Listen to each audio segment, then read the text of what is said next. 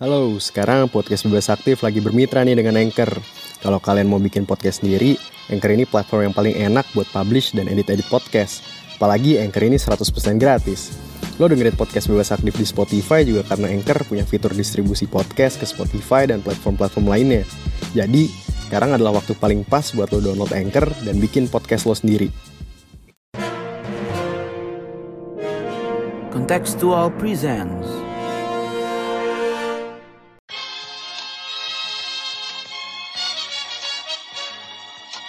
伟大、光荣、正确的中国共产党万岁！ Ladies and gentlemen, it was time to end a 20 year war. No one is safe until everyone is. The world is waking up and change is coming whether you like it or not. Selamat datang kembali di podcast Bebas Aktif season kedua episode ke-30. Ada gue Raffi di sini, ada Ikhlas juga. Halo Mas. Halo, halo Raf. Yoi, terus ada Majid juga. Halo Jid. Halo. Dan tentu saja ada Mas Sofwan. Halo Mas. Halo, halo. Baru sadar gue, udah season 2 udah 30-an ya. Udah 30, tidak terasa memang. Ya, ini belum belum masuk ke season itu muson ya. Karena Oh. ada ada muson season muson jadi ada perubahan penting di suatu negara lain gitu ya. Nah, suatu negara lainnya, itulah yang akan kita bahas yang mengalami monsoon season tadi, yaitu adalah Sri Lanka. Karena belakangan ini Sri Lanka tengah mengalami gonjang-ganjing eh, ribut-ribut yang luar biasa. Eh, kita pikir ya ada protes besar-besaran yang diakibatkan oleh krisis ekonomi yang berujung juga ke krisis politik juga sampai perdana menterinya turun, eh, kabinetnya bubar, dan ini akan menjadi dinamika yang menarik banget untuk kita bahas Menarik tuh di Twitter ada akun Twitter Redfish itu yang memperingati reformasi Indonesia gitu. Ada banyak Hmm. komentar orang Sri Lanka juga tuh. Jadi Coba kayaknya- contoh Indonesia. Apakah akan terjadi reformasi di Sri Lanka ya? Kita akan coba bahas overview dan analisisnya dari domestik dan dari HI-nya juga. Tapi sebelum lebih jauh, untuk teman-teman yang nggak mau ketinggalan analisis terbaru mengenai isu-isu HI dan sosial politik kayak gini nih, isu Sri Lanka, follow podcast ini, podcast bebas aktif. Kita tayang seminggu sekali. Follow juga eh, sosial media kita at contextualcom di Twitter dan Instagram, sama visit website kita di contextual.com.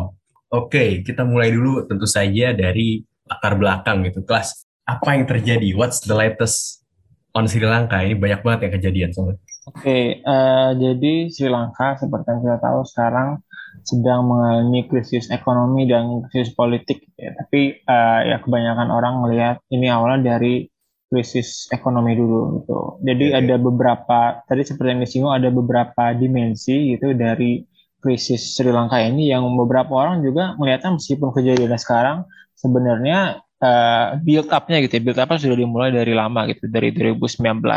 Jadi pertama-tama itu eh, Sri Lanka itu eh, dia gagal membayar utangnya gitu kan, dan kemudian terjadi kesulitan-kesulitan yang mengikuti gitu, kayak Sri Lanka juga banyak eh, reliant ke luar dengan impor dari minyak, dari banyak bahan makanan, dan juga dari remitansi gitu kan. Jadi banyak orang di Sri Lanka yang kemudian mengembalikan, eh, mentransfer balik gitu ya duitnya ke Sri Lanka.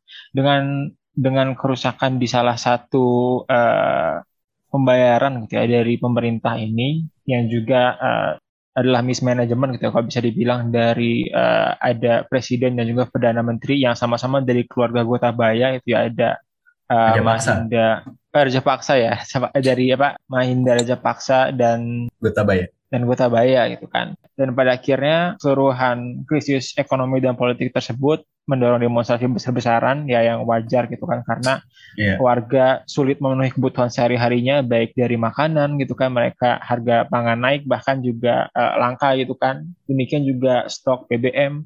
Mungkin kalau kita di sini BBM baru dispekulasiin akan naik Eh, di sana BBM udah sampai habis gitu kan, sampai udah nggak ada lagi yang tersisa untuk dibeli gitu kalau bisa dibilang.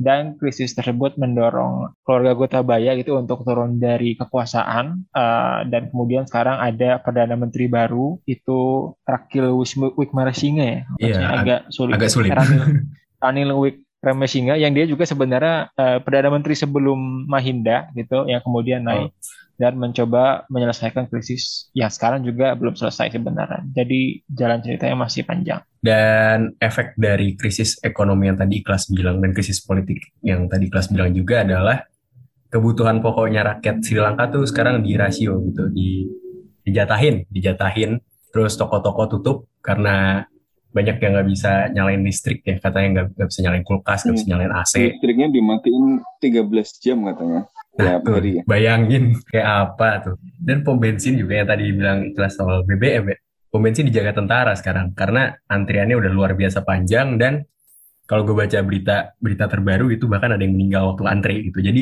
ini udah sangat-sangat uh, parah itu krisisnya dan wajar untuk uh, warga Sri Lanka menuntut pemerintahnya dan turun ke jalan gitu gue mau gali lagi soal itu ya apa penyebab-penyebab krisis ekonominya gitu ke Majid dulu. Sebenarnya apa Jit yang membuat Sri Lanka butuh dana gede-gedean sampai harus pinjam ke luar negeri, terus ya ujungnya malah backfiring ke mereka sendiri gitu? Iya, bisa dibilang kebijakan-kebijakan yang dikeluarkan sama Sri Lanka ini kurang strategis ya. Eh, yang pertama, kebijakan ekonominya Sri Lanka ini kan negara yang rely kepada industri pariwisata sangat besar okay. ke negara destinasi wisata lah ya. Yeah. Nah, kita sama-sama tahu ketika COVID menerjang itu tahun 2020, industri pariwisata itu salah satu industri yang paling parah terkena imbasnya. Mm-hmm. Itu satu otomatis. Jadi mereka apa sumber pendapatannya hilang. Terus yang kedua, eh, mereka juga menerapkan sistem pajak yang rendah begitu ya. Ya sudah pajaknya rendah, ditambah kepatuhan pajaknya juga tidak terlalu besar gitu ya kurang lebih nggak nyampe 20 persen uh, apa tax to GDP ratio-nya. Jadi ya ini ya apa pendapatan negaranya uh, sedikit. Kemudian uh, kebijakan lainnya misalnya mereka me menutup impor untuk barang-barang kimia petrokimia. Nah hmm. sementara kan mereka butuh bahan-bahan kimia itu untuk uh, fertilizers ya apa buat tanaman buat uh, pertanian. Yeah ditambah lagi ada bencana muson angin muson yang besar gitu ya. Akhirnya gagal panen. Ketika gagal panen terjadi ya sementara kita situasi di dunia sekarang ini kan uh, setelah perang gitu ya ada perang di Rusia Ukraina uh, ditambah lagi di India juga ada gelombang panas itu apa banyak terjadi gagal panen uh, harga bahan pangan meningkat. Jadi ya faktornya uh, man-made sekaligus juga uh, bad luck juga gitu ya karena yeah. uh, kondisi alam yang gak, lagi lagi nggak bagus, lagi ada heat wave di India kan.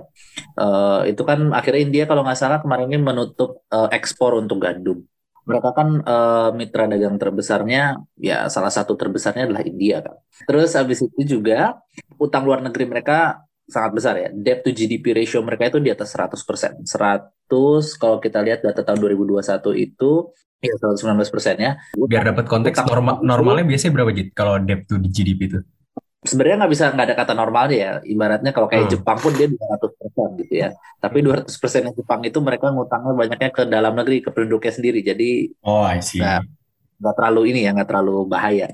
Okay. Sementara yang namanya uh, Sri Lanka ini banyak utangnya ya ke luar negeri ke ADB, ke hmm. negara kayak Cina, Jepang, World Bank, dan juga mereka pinjam ke pasar, ke marketnya gitu, uh, pasar modalnya.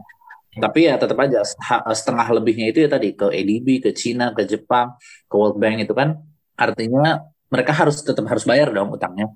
Jadi hmm. yang tadi dibilang uh, ketika harus bayar, mereka udah nggak punya uang, sementara pendapatan nasionalnya juga rendah, pendapatan yang rendah ditambah lagi kena COVID, apa ada COVID, industri pariwisata yang menjadi tulang punggung perekonomiannya uh, berantakan, ditambah lagi dengan uh, masalah bencana alam dan juga mismanagement akhirnya uh, gagal panen. Gagal panen kan berarti pangannya terganggu, yeah. pangannya terganggu, mereka nggak bisa impor juga karena dari luar harganya naik gila-gilaan gitu ya karena ada yeah. perang dan ada heat wave juga di India akhirnya ya ya yang terjadi sekarang uh, susah. Sementara kan pangan sama energi ya, itu kan yeah. dua masalah utama dalam apa untuk menjaga stabilitas nasional itu kan pangan sama energi. Ketika pangannya bermasalah, Ditambah lagi juga tadi energinya juga bermasalah kan sampai mati lampu 13 jam sehari. Itu ya chaos lah akhirnya. Sebenarnya kalau kita coba tarik ya Mas Sofwan, berarti ada sebenarnya pemerintah Sri Lanka nih pada awalnya coba jor-joran bikin proyek yang bangun infrastruktur macam-macam. Akhirnya ditambah juga sama bencana dan pupuk kimia, COVID dan macam-macam gitu akhirnya jadi krisis gitu. Tapi kalau Mas Sofwan melihat masalah ini sebetulnya sumbernya ada di mana? Apakah benar-benar karena jor-joran infrastruktur atau ada faktor lain? Iya, jadi kalau uh, tadi apa kita sudah mendengarkan gambaran tentang banyak faktor yang menghadirkan yeah. situasi Sri Lanka sekarang ya, yang kemudian hmm. menghadirkan krisis ekonomi dan kemudian krisis politik kaitannya dengan beragam faktor yang menghadirkan uh, apa persoalan pangan dan persoalan uh, energi. Nah, itu memang kemudian menjadi trigger bagi uh, apa uh, eskalasi politik ya yang kemudian uh, menghadirkan perubahan tapi saya kira penting untuk kemudian memang melihatnya dalam kerangka yang lebih panjang.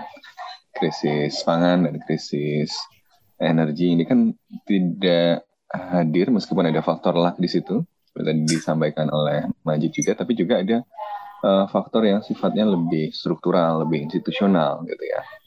Uh, yang kemudian memungkinkan kejadian-kejadian yang tidak menguntungkan tadi, a series of unfortunate events itu menjadi uh, badai bencana yang tidak bisa dikelola, kan? Nah itu, uh, itu semua negara mengalami COVID, semua negara ya pasti terdampak.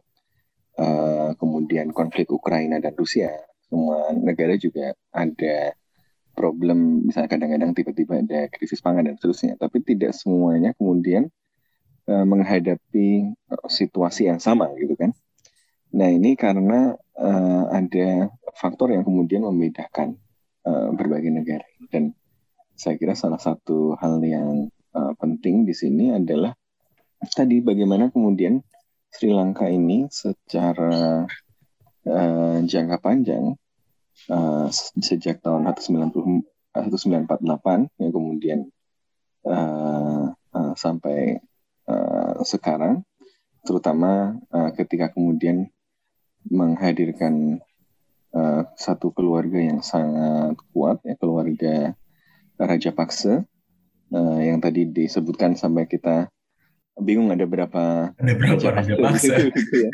ada ada ada Mahinda ini yang uh, senior yang tua gitu ya. Yang dia berkuasa pernah jadi presiden ya kemudian pernah jadi perdana menteri uh, beberapa berkali-kali dia jadi presiden dari tahun uh, eh, 2005 sampai 2015 jadi lumayan 10 tahun tuh ya mm-hmm. uh, kemudian jadi perdana menteri dari tahun 2004 uh, sampai 2005 kemudian 2018 2019 sampai 2022. Hmm. Uh, nah ini kemudian dan yang sekarang ini lebih ini lagi kan sebelum turun ini Mahinda dan uh, dia sama sama-sama di pemerintahan yang sama sejak 2019 sama adiknya yang kemudian jadi presiden sejak 2019. Uh, belum lagi kemudian uh, dengan posisi-posisi yang demikian ya, ya mereka kemudian dalam kondisi krisis pun anaknya masih kelihatan hidup dengan mewah makanya kemarin kita lihat salah satu ekspresi protesnya adalah membakar mobil-mobil mewah punya keluarga Raja Pakse hmm. ya jadi memang uh, politik Sri Lanka yang dalam beberapa dekade terakhir ini terutama setelah apa ya konflik dengan Tamil Ilam ya. Jadi harus kita lihat Sri Lanka ini kan uh, sebuah negara yang uh, di situ kemudian ketegangan etnisnya tinggi karena ada etnis uh, Sinhala yang uh, Buddha dengan orang-orang Tamil merasa didiskriminasi.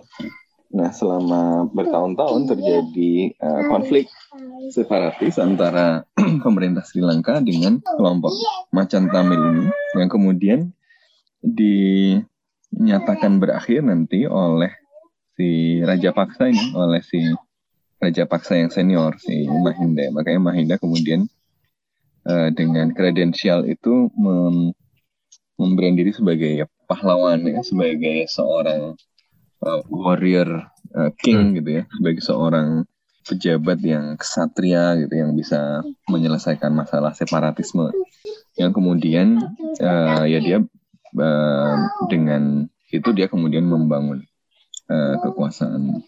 Nah dengan kondisi yang uh, demikian berarti kan secara ya ketika yeah. si negara di capture oleh satu vested interest tertentu apalagi punya hubungan keluarga gitu ya kemudian uh, aktivitas ekonomi juga uh, di uh, capture melalui otoritas politik itu ya kita akan melihat uh, politik dan ekonominya juga tidak berjalan dengan sehat. Dalam kondisi yang demikian, kemudian kita menyaksikan kondisi keuangan negara dari Sri Lanka juga tidak sehat selain karena pertumbuhan ekonominya uh, agak terhambat karena konflik yang lama tadi. Kemudian ketika keluarga Raja Paksa berkuasa ada kronisme dan macam-macam tadi, ada bagi-bagi power tentu dengan keluarga yang lain juga. Kemudian eh, kemudian ada orientasi politik yang populis ya ini kemudian membuat ya kondisi institusional yang tidak terlalu uh, sehat pada saat yang bersamaan. Kemudian dalam kondisi keuangan negara yang nggak sehat itu, si keluarga Raja Paksa, ya, Mahinda, dan kemudian si Gotabaya juga, malah mengejar mimpi pertumbuhan ekonomi. Kita kenapa sih kita stagnan terus? Uh, mereka nggak ngelihat kaca gitu. Oh ini jangan-jangan karena korupsi, nggak gitu. Jadi uh, wah ini kita nggak maju karena kita kurang infrastruktur. Hmm. oh jadi kita harus bangun infrastruktur, infrastruktur, infrastruktur. Uh, tapi kita nggak punya duit nih. Ya. Duitnya dari mana? Ya dari mana dong?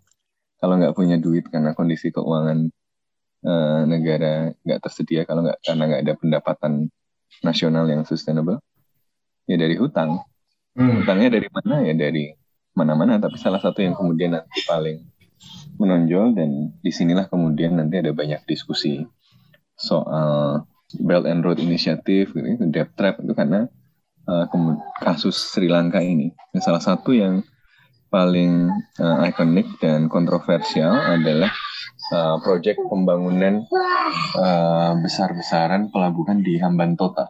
Nah, Hambantota ini uh, pelabuhan besar yang ketika dibangun itu dijanjikan oleh Raja Paksa sebagai ya akan jadi semacam saingan atau penggantinya Singapura dan karena harapan bahwa pertumbuhan ekonomi akan bisa dicapai kalau kita punya infrastruktur yang bagus tadi yang didapatkan dan dibiayai dengan hutang tadi nggak apa-apa utang sekarang ya nggak semuanya utang jelek ya kan nah, yeah. Ya. uh, kalau kita utang kita bisa bangun infrastruktur infrastruktur yang memberi nilai tambah nilai tambahnya lebih dari hutang dan bunga yang di, harus dibayarkan uh, atas hutang itu. Kan sama-sama untung. Ya, kira-kira gitu kan logikanya.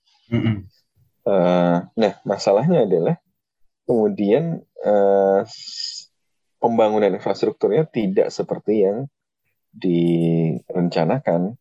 Proyeknya tidak terlalu lancar ada banyak korupsinya biasa ya. Uh, kalau ada proyek berarti ada kickback, ada siapa yang dibagi-bagi. Dan kalau dibagi-bagi biasanya nggak berdasarkan uh, siapa yang bisa mengerjakan yang paling bagus ya kan. Makanya memang yang terjadi adalah default nanti si si, uh, si Sri Lanka nggak bisa membayar uh, biaya hutang untuk untuk pembangunan Hambantota ini uh, pelabuhan Hambantota itu dan kemudian uh, akhirnya harus bahkan apa ya menyerahkan kontrol pelabuhan itu sebagai jaminan karena nggak bisa bayar utang. Itu jadi hmm. proyeknya nggak nggak jalan, banyak korupsi. Uh, sebenarnya jadi menghadirkan perasaan tidak enak ini saya soal. Hmm. Jadi ada proyek infrastruktur besar-besaran diumumin uh, besar sebagai ikon, ternyata nggak jalan, nggak jalan dibayari pakai hutang. Nah itu kan uh, apa agak jadi peringatan juga untuk banyak tempat yang lain gitu ya. Kemudian dibayari dengan hutang ya dia harus bayar dong. Hmm. Uh, kita lihat aja dari dalam 10 tahun ini, dalam dekade terakhir ini, ke Cina saja ada hutang 5, 5 eh, miliar US dollars. Apa proyek infrastrukturnya nggak lancar, tapi hutangnya kan tetap dihitung.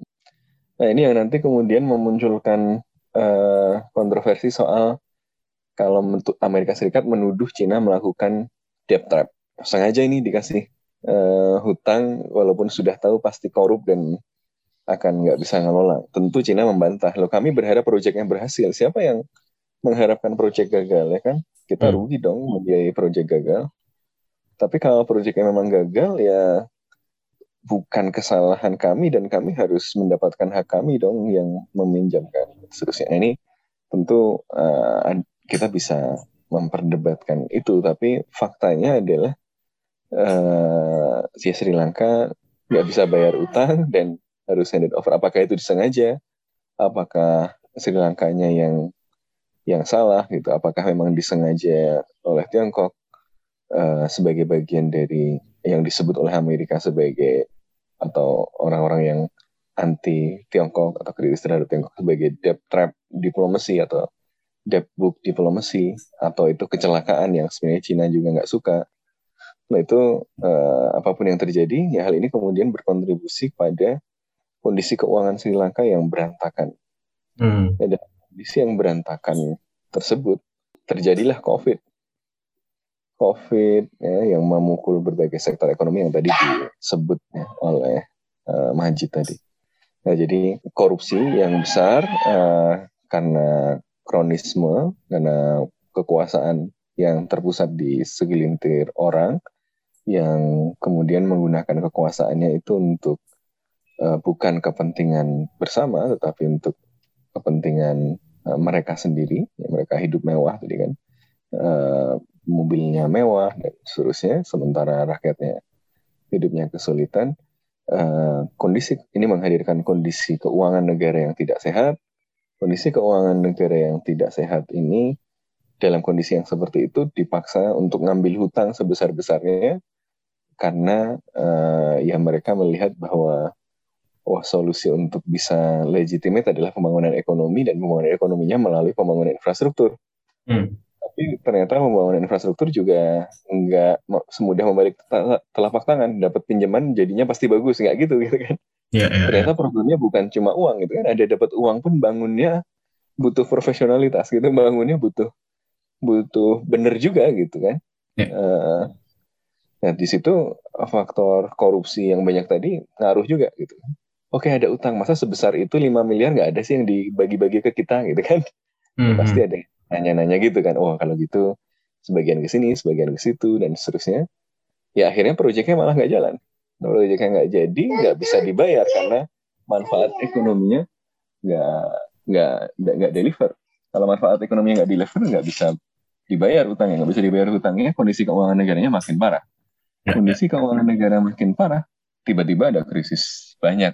Ya sudahlah. Uh, ya kondisinya kemudian uh, sampai ke Nah, hari ini kan di mana terjadi krisis pangan, krisis energi, orang antri bensin sampai meninggal, listrik sampai harus dimatikan 13 jam uh, sehari, ya orang uh, kemudian meluapkan kemarahan itu karena mereka tahu bahwa ini bukan sesuatu yang tidak bisa dihindari, ini sesuatu yang terjadi karena salah urus, ini sesuatu yang terjadi karena ada segelintir orang korup yang berkuasa yang uh, kemudian uh, tidak bertanggung jawab dalam mengelola uh, negara itu uh, kemudian mem memunculkan uh, amarah publik gitu ya.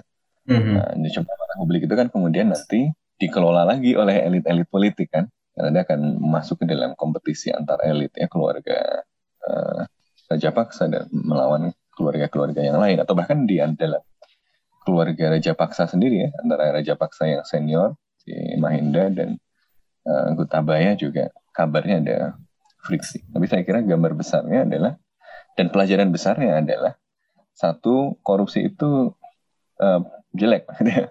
Yeah. Dia bukan mas pembangunan.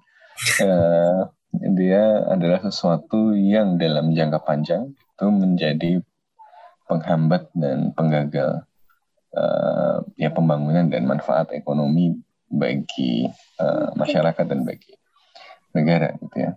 Dalam jangka pendek mungkin kelihatan oke-oke aja, tapi ini memunculkan struktur ekonomi yang yang keropos gitu ya. Kemudian yang kedua, infrastruktur. Itu memang penting, tapi dia harus dibangun dengan uh, visi yang jelas ya, dan perencanaan yang baik. Gak bisa, oh saya pengen bangun pelabuhan, saya pengen bangun kereta cepat, saya pengen bangun ibu kota. Oh, tapi itu tempat lain kali ya. Uh, tapi kurang jelas gitu. Terburu-buru bikin perencanaannya, terburu-buru bikin keputusannya, nggak pakai pertimbangan dengan publik, dananya diambil dari utang. Dari, dari Timur Tengah mas katanya. Ya, jadi kemudian uh, ya kalau belajar dari pengalaman ini ditambah lagi dengan korupsi tadi ternyata default dan yang defaultnya kemudian jadi besar.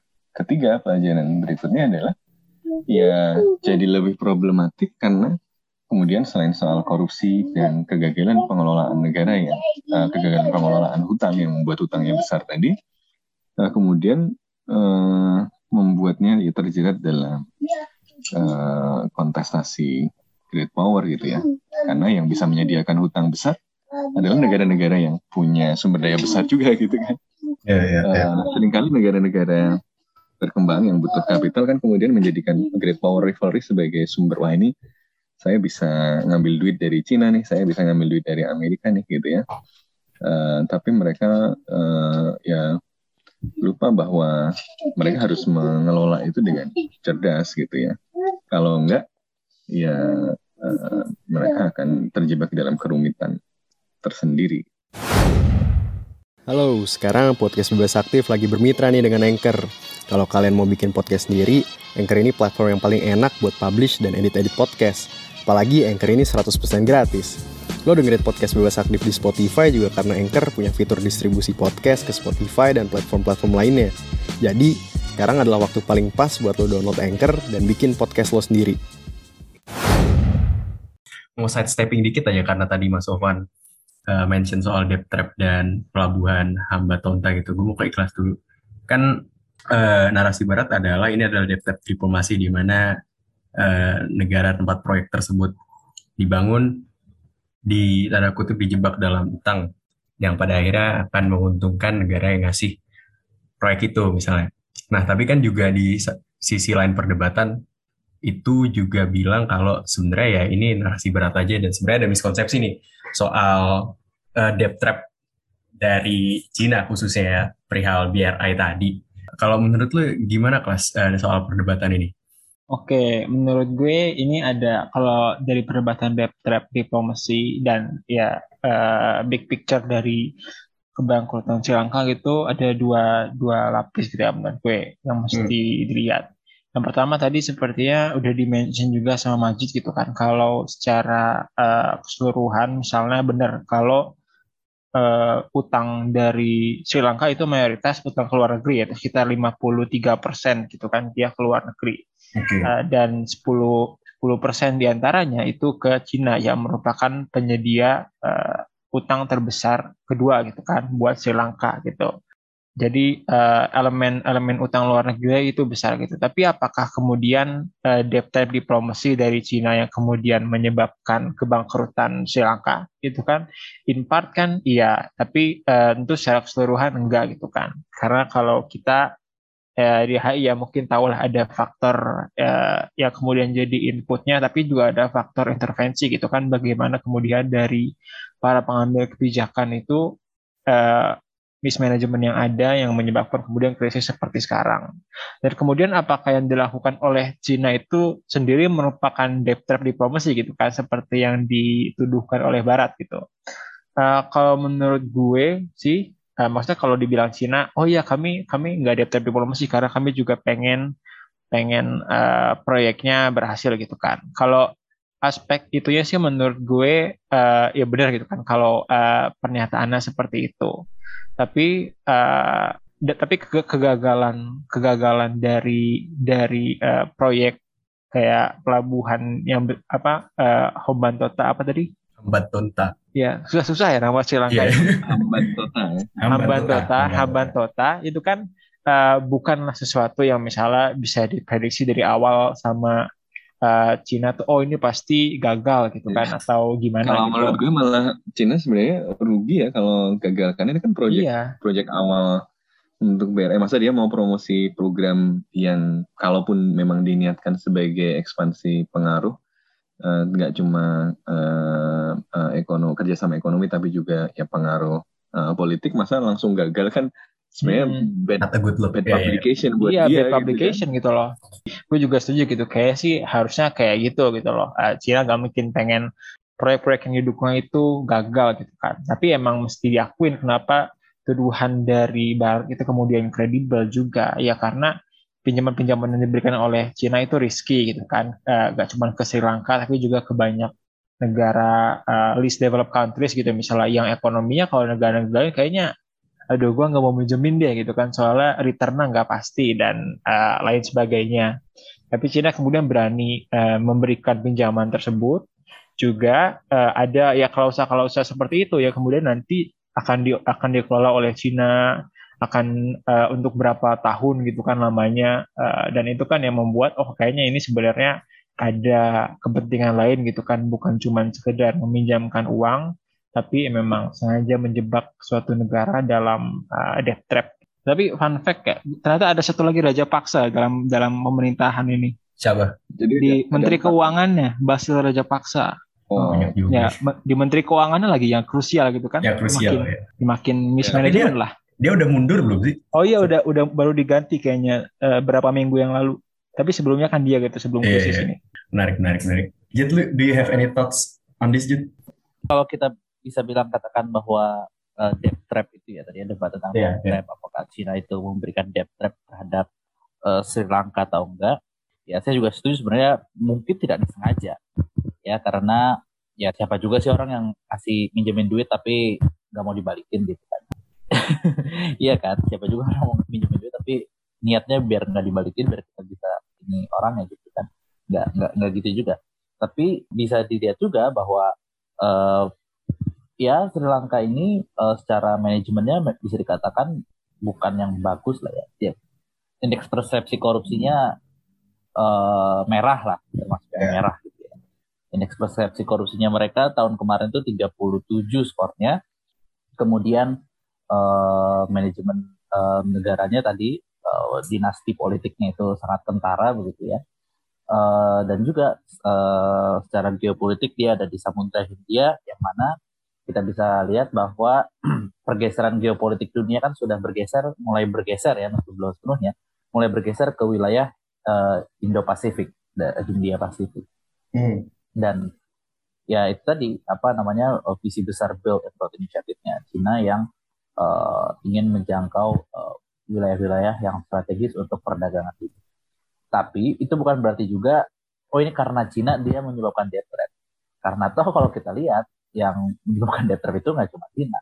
Ya. Negara adidaya yang lainnya pun gitu ya, seperti Amerika itu ya bisa dikatakan pernah melakukan itu tapi ya bukan di Asia Selatan, di Amerika Selatan Tuh. yang bisa Betul. iya kan yang bisa kita katakan bahwa ya ini seperti kalau dikatakan itu strategi Cina ya mungkin mereka juga belajar dari strategi negara besar lainnya yang juga melakukan hal serupa jadi eh, nggak bisa dikatakan ini debt trap karena itu Cina yang ngambil no bisa juga kalau misalnya ini memang debt trap ya itulah strategi negara yang punya duit banyak dan ingin menguasai eh, jalur-jalur strategis di belahan berbagai belahan dunia Cina kan juga punya banyak proyek ya berarti di Sri Lanka.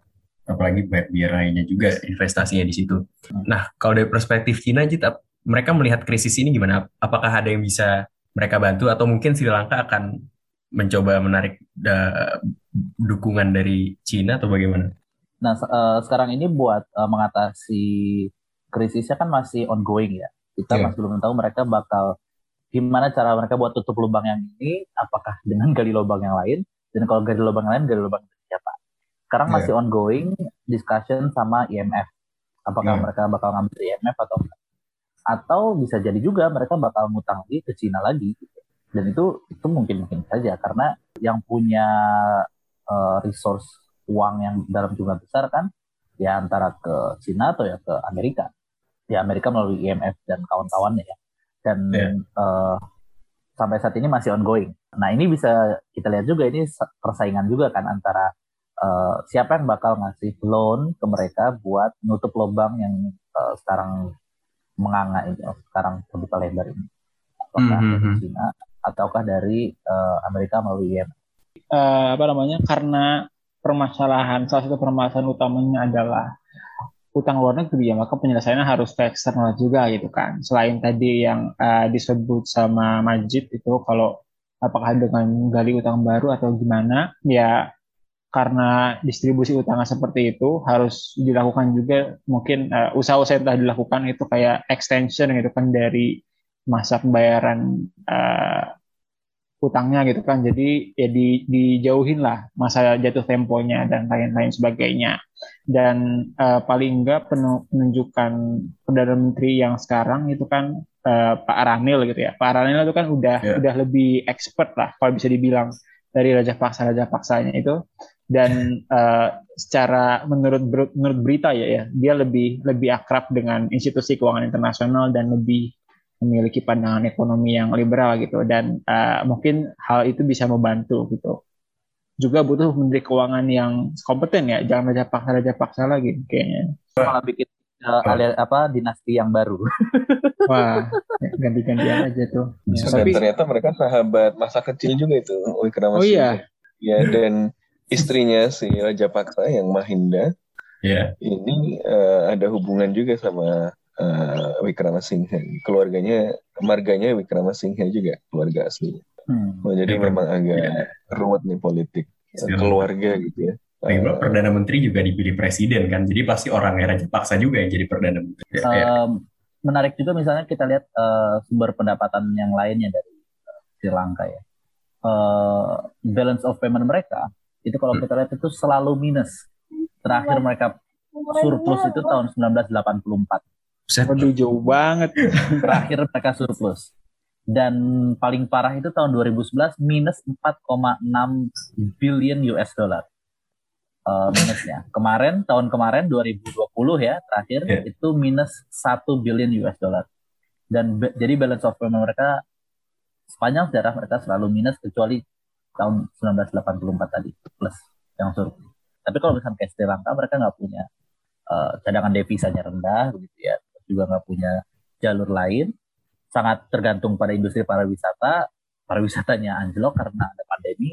Apa uh, mereka juga nggak punya uh, kemampuan untuk uh, pangan, ya mereka bukan produsen pangan yang besar, produsen energi yang besar juga bukan, sehingga ya itu tadi ketergantungan sama pasar internasional. Hmm, hmm, hmm, hmm. Oke oke oke. Tadi barusan gue baca uh, satu artikel di The Guardian gitu. Judulnya menarik karena dia bilang kalau Sri Lanka ini adalah domino pertama yang jatuh dalam krisis utang global. Nah, kalau dalam penglihatan Mas Sofan, emang apakah ini akan menjadi sebuah tren global gitu di mana negara-negara berkembang akan satu persatu jatuh dengan krisis utangnya mereka masing-masing? Tentu kita berharap tidak gitu ya, walaupun hmm. uh, tentu saja ada possibility yang cukup serius ya, yeah. karena kita melihat memang karena sekarang persaingan bergeser dari geopolitik ke geoekonomi, instrumennya adalah instrumen uh, bantuan negeri, termasuk terutama yang sangat dibutuhkan negara-negara berkembang adalah pembangunan infrastruktur, dan negara-negara berkembang ya kemudian juga banyak yang berada dalam uh, ya infrastructure frenzy kan. Yeah. Duterte itu platformnya uh, build build build gitu ya bangun hmm. bangun bangun. Bangun infrastruktur bangun infrastruktur bangun infrastruktur. Di negara berkembang di selatannya Filipina juga ya infrastruktur infrastruktur infrastruktur. Um, ada apa One MDB ya. Di Malaysia juga ada uh, apa ya upaya untuk uh, itu juga. Karena memang infrastruktur penting gitu ya. dan memang uh, dan infrastruktur ini memang membutuhkan investasi yang tidak kecil. Dan karena itu uh, wajar uh, pasti membutuhkan pendanaan eksternal. Nah, problemnya adalah banyak negara-negara berkembang ini tidak kemudian mengelola bantuan luar negeri atau hutang untuk membangun infrastruktur ini dengan uh, optimal gitu ya. Jadi Hmm. orang ngutang itu kan ya tadi harus dihitung. Saya ngutang berapa, eh, kemudian bisa digunakan seperti apa sehingga saya bisa bayar sekaligus eh, menghasilkan sesuatu eh, yang permanen gitu. Saya bisa saya dapat jembatan, hasil dari jembatan ini bisa saya pakai untuk bayar eh, hutangnya misalnya kan. Nah Hmm. problemnya di situ gitu. Eh, jadi problemnya banyak yang membayangkan eh, cuma soal duit ya. Kalau dapat duit eh, beres deh gitu. Padahal problemnya bukan cuma soal duit ya, problemnya soal bagaimana mengelola tadi. Nah, jadi apakah ini akan menjadi domino pertama dalam apa eh, debt crisis gitu ya? Ya. Bisa iya eh, karena ada kecenderungan yang mirip di banyak tempat yang lain ya dan di banyak negara bahkan di negara maju pun eh, mulai ada concern ya banyak yang misalnya bilang ah jangan terlalu khawatir sama hutang Jepang Amerika Serikat itu eh, apa eh, hutangnya juga besar. Tapi eh, bahkan di Amerika Serikat sendiri atau di Jepang sendiri juga ada kekhawatiran soal hutang yang terlalu besar ini. Jadi Hmm. memang ya hutang memang tidak selalu berbahaya tapi kalau dia tidak dikelola dengan baik eh, dan tidak dikelola dengan baik itu kan kelihatan kalau hutangnya terlalu banyak itu ya eh, ya pasti rawan gitu kan. Eh, Iya. jadi ya sangat mungkin eh, untuk kemudian mengalami hal yang sama deh. Yang kemudian eh, proyek nggak berjalan lancar nggak cuma di Sri Lanka. Dan kita berharap eh, kondisi institusionalnya lebih mapan atau eh, ada faktor lain yang tidak mengcompound ya, tidak memperparah situasi gitu kan. Ya, kalau ya. Sri Lanka ini kan kondisi eh, memang kondisi keuangan negaranya nggak sehat, korup, eh, pembangunan infrastrukturnya kemudian berantakan, hutangnya besar, tambah tiba-tiba ada disrupsi karena COVID, karena eh, kemudian krisis Rusia Ukraina kan juga tambah parah karena banyak turisnya itu dari Rusia dan dari Ukraina. Oh, jadi Iya, iya, eh, apa ya? eh, ya sangat sangat momentous gitu ya, sangat waktunya itu sangat pas, tapi ya selalu ada problem, selalu ada problem eh, struktural kan. Ini masalahnya eh, ya apa? Ya korupsi yang sangat mengakar tadi dan kronisme yang sangat kuat tadi, yang kemudian bertalian dengan eh, apa kondisi persaingan di ekonomi, tambah eh, drive untuk melihat bahwa pembangunan infrastruktur itu sebagai kebijakan paling gampang, paling populis gitu kan. Hmm. Marcos kemarin aja kan bisa menang salah satunya jualan dulu bapak gue, bapak pembangunan ya kan. Oh. infrastruktur itu adalah sesuatu yang paling mudah dijual untuk politisi populis. Nah, jadi saya nggak- Benar-benar. saya nggak mau tahu, yang penting harus dibangun. gitu. Yang penting saya gunting pita, ada fotonya. Peletakan batu Eh, pertama. Peletakan batu pertama. Yang penting pokoknya jadi gitu. Visibility tadinya belakangan. Nah itu dan sayangnya itu cerita yang nggak cuma cerita di Sri Lanka. Jangan-jangan dicerita di dekat-dekat kita, kalau dengar-dengar cerita, oh, ya semoga nggak begitu. katakan tidak ya eh, pada korupsi kalau kata orang-orang zaman dahulu gitu ya. Mungkin eh, terakhir kali ya kita coba tutup episode ini dengan eh, apa selanjutnya untuk Sri Lanka. Kalau tadi dibuka dengan ada yang ada tweet tentang reformasi 1998 di Indonesia itu cukup banyak di reply sama orang-orang Sri Lanka yang kayaknya juga sedang melakukan protes. Apa selanjutnya buat Sri Lanka, Jit? Apakah akan ada dalam tanda kutip reformasi di sana dengan ada protes-protes ini? Ya reformasi bisa menjadi solusi jika yang menggantikannya benar-benar memperbaiki gitu ya. Betul. Kalau reformasi tapi yang menggantinya itu dinasti yang baru, ya hanya keluar dari lubang buaya masuk ke kandang singa gitu kan. Iya, iya, iya. jadi eh, jadi apa namanya eh, reformasi bisa nggak bisa dan kita berharap ada reformasi iya karena situasinya ini kan eh, struktural institusional juga ya bukan jadi bukan oke ada bencana alam ada pandemi semua tapi ya tadi juga dibilang semua negara yang ngerasain itu Eh, dan masalahnya itu kan nggak cuma itu nggak cuma dari faktor eksternal tapi faktor internal mereka secara state capacity-nya weak institusinya lemah gitu kan. Ya harus diperkuat institusinya. Mereformasi uh, uh, memperbaiki yang ada sekarang susah harapan gitu ya karena mereka sudah uh, dinastinya kuat dan nggak uh, bisa ini juga. Mau mau direformasi ya bisa. Tapi ya itu tadi syaratnya yang menggantikannya bukan membentuk dinasti baru bukan membentuk kroni-kroni baru bukan me, hanya me, mengganti haluan aja gitu dari timur ke barat gitu ya tapi sama-sama mencari jebakan juga ya harus mm -hmm. mampu mereformasi yang benar-benar reformasi gitu ya bukan reformasi yang di atas kertas aja. Bahkan masih banyak uncertainty karena pergantian pun yang cuma ganti dinasti pun belum tentu juga gitu kan. Karena iya. uh, ya masih mungkin Raja Paksa bertahan dengan kompromi dengan oposisi gitu. Jadi saya kira uh, akan sangat dinamis. Faktor pertama tentu politik domestik seberapa kuat dorongan dari uh, kekuatan uh, ya ekstra elit gitu ya kekuatan yang akar rumput yang sepertinya sangat bersemangat. Ya karena ya di puncak kemarahan lah ya hidup kayak apa uh, hidup elitnya mewah tidak bertanggung jawab sementara rakyatnya uh, menderita gitu ya.